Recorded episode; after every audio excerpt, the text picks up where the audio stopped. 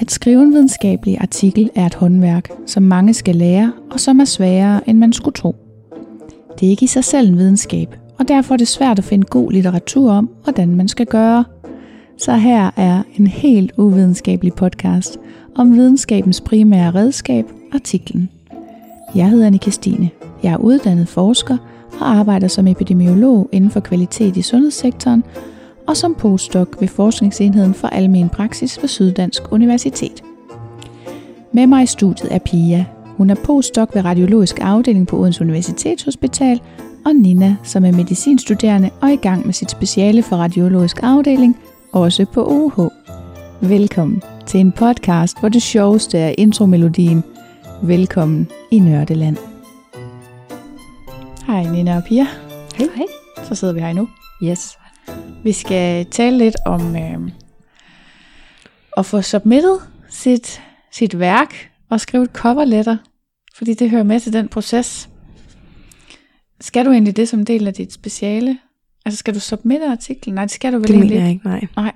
Men det er målet. Ja. Altså, vi laver ikke forskning, uden at vi... Nej, Nej. det er ikke kun for specialets Nej. skyld. Nej, det er meningen, du skal submitte det senere, det har vi jo Ja. egentlig også talt om før, Ja. at det der med, at du laver ikke det heller ikke de rigtige analyser til at starte med, for I ikke har nok patienter. Mm. Sådan noget, ja. Alright, men altså, når man skal submitte, så tænker man, det klarer jeg på en time, det her. Og så, så bliver man klogere. Ja. Det tager så utrolig lang tid. Selvom man har alt muligt på plads. Noget af det, man skal have styr på, det er øh, medforfatterskabs underskrifter. Det er et cirkus at få indhentet sådan nogle. Øhm, og desværre så er der mange tidsskrifter, der har deres egen. Så man skal ligesom have, have fat i den, de bruger, øh, så man kan få sine medforfattere til at skrive under på, at de har deltaget, og også på, hvad de har lavet efterhånden, skal mange Mm. artikler indeholde sådan en lille, en lille del om, hvem har bidraget med hvad til den her artikel. Og om de har nogle conflicts of interest. Lige præcis. Mm. Så nogle conflicts of interest statements skal der også være for hver forfatter. Ja. Så skal du jo have, så er der alle mulige formateringsting. Øhm, dit manuskript skal som regel uploades i enten Word eller bare en eller anden form for tekstformat, Mm. uden formatering på. Øhm, eller også så skal der være forskellige former for formatering på med linjenumre og alt sådan noget. Det står alle sammen inde i de der instructions for authors, som vi også har talt om før, der er for hvert tidsskrift. Så skal figurer og tabeller være, nogle gange skal hver figur være i hver sit dokument. Andre gange skal de ikke. Yay. Og nogle gange må det være i Word, og nogle gange må det være i Excel, og nogle gange må Ja. det være i PDF, og nogle gange må det ikke være. Præcis. Og så skal der være øhm, sådan noget med, at de tekster, der står øh, til hver figur eller tabel, så skal de måske være på et ark for sig selv. Andre gange skal de bare sammen med figurerne. altså, der er så mange ting, som Ingen konsensus overhovedet. det skal bare være på en eller anden måde, som er noget helt særligt for det her tidsskrift. Så det går der noget tid med. En anden ting, hvis man er phd studerende så vil jeg bare lige sige med det samme.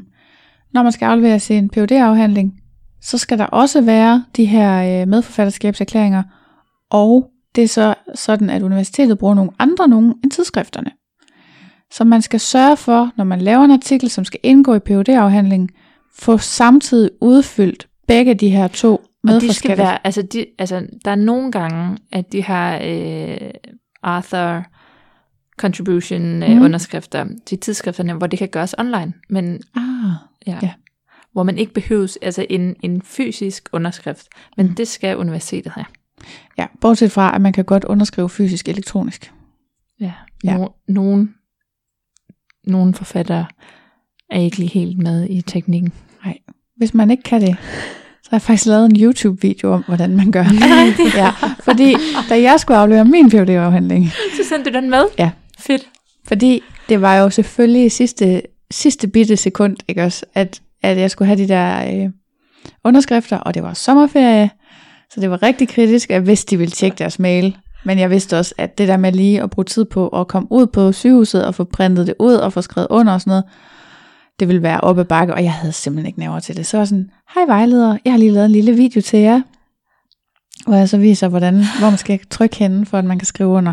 Og det er altså en gyldig underskrift at gøre det i pdf. Mm. Og det, det er også rimelig simpelt, når man ved, hvordan man gør det. Er ligesom alt muligt andet. Når man lige ved det, så er det ikke særlig svært. Men det kan godt være op ad bakke for nogen. Så, men det kan man. Og ja, det er en god idé til sin phd afhandling at få de der medforfatterskabserklæringer indhentet med det samme. Jeg har saft sus med også prøvet mange gange at være medforfatteren. Ikke? Hvor der er så nogen, der, øh, der var, den artikel, vi har skrevet sammen, skal indgå i min phd afhandling jeg skal aflevere i morgen. Underskriv nu. Kan du underskrive den her? Selvfølgelig. For jeg ved, hvordan man gør elektronisk. Nej. Så alt det skal der selvfølgelig være på plads. Og så er der det her før omtalte cover letter. Det er jo et brev, hvor man skriver til editor, hvorfor at den her artikel er super relevant. Og det er næsten ligesom at skrive en ansøgning. Fordi man starter med at rose tidsskriftet. Jeres tidsskrift er simpelthen så dygtig til lige præcis det her emne. Jeg har lagt mærke til, hvor gode I er, derfor vil jeg gerne have min artikel i. Min artikel handler så om det her, som selvfølgelig er helt vildt relevant for jeres tidsskrift. Bla bla bla bla bla. Kærlig hilsen, eller sincerely, eller yours truly. Nej, det er sådan noget yours, eller sincerely, eller sådan noget, man underskriver med, ikke? Ja. Og så selve indholdet. Øhm, ja, så jeg har en skabelon, jeg bruger. Det har jeg også. Ja. Og så er det bare copy-paste. Ja. Men sørg nu for, at man ikke har det gamle tidsskriftsnavn. Altså, hver gang man copy-paster, så skal man simpelthen være sikker. Ikke? Jo. Har du lavet den fejl, Pia? Du ligner Nej, sådan en. nej, nej, men jeg er så bange for at gøre det. Og en eller anden dag kommer det til at ske. Ja, det var helt sikkert. det er helt sikkert. Det kommer man til en dag. Ja. Øh, men det vil sige, at Pia har allerede en skabelon, du kan få til dit Mm. mm. coverletter, fyldt med smiger, om hvor enestående det her tidsskrift er. Ja. ja. ja. Jeg tror også, de findes online, faktisk. Men, og ellers, Det tror jeg også. Jeg tror jeg faktisk, jeg vil prøve at se, om ikke jeg kan grave mit gamle frem, og se, om ikke jeg Ja. kan få lagt op til den her episode. Mm. Mm. Har du spørgsmål? Nej, det er ikke noget, man hører om på studiet. Nej. Det er heller ikke særlig nemt at have spørgsmål til submission-processen, men når man sta- sidder med den, så får man utrolig mange spørgsmål. Mm. ja. Det er virkelig sådan en, øh, jeg har nogle gange som om det er sådan en slags stopprøve. Altså det er simpelthen Ja. ja. for vanskeligt næsten. Og også at få figurer i uh, rette DPI-størrelser. Ja. Og, Mm. ja. Ja, okay. Pludselig skal man vide alt muligt om billedformateringer og sådan noget. Mm.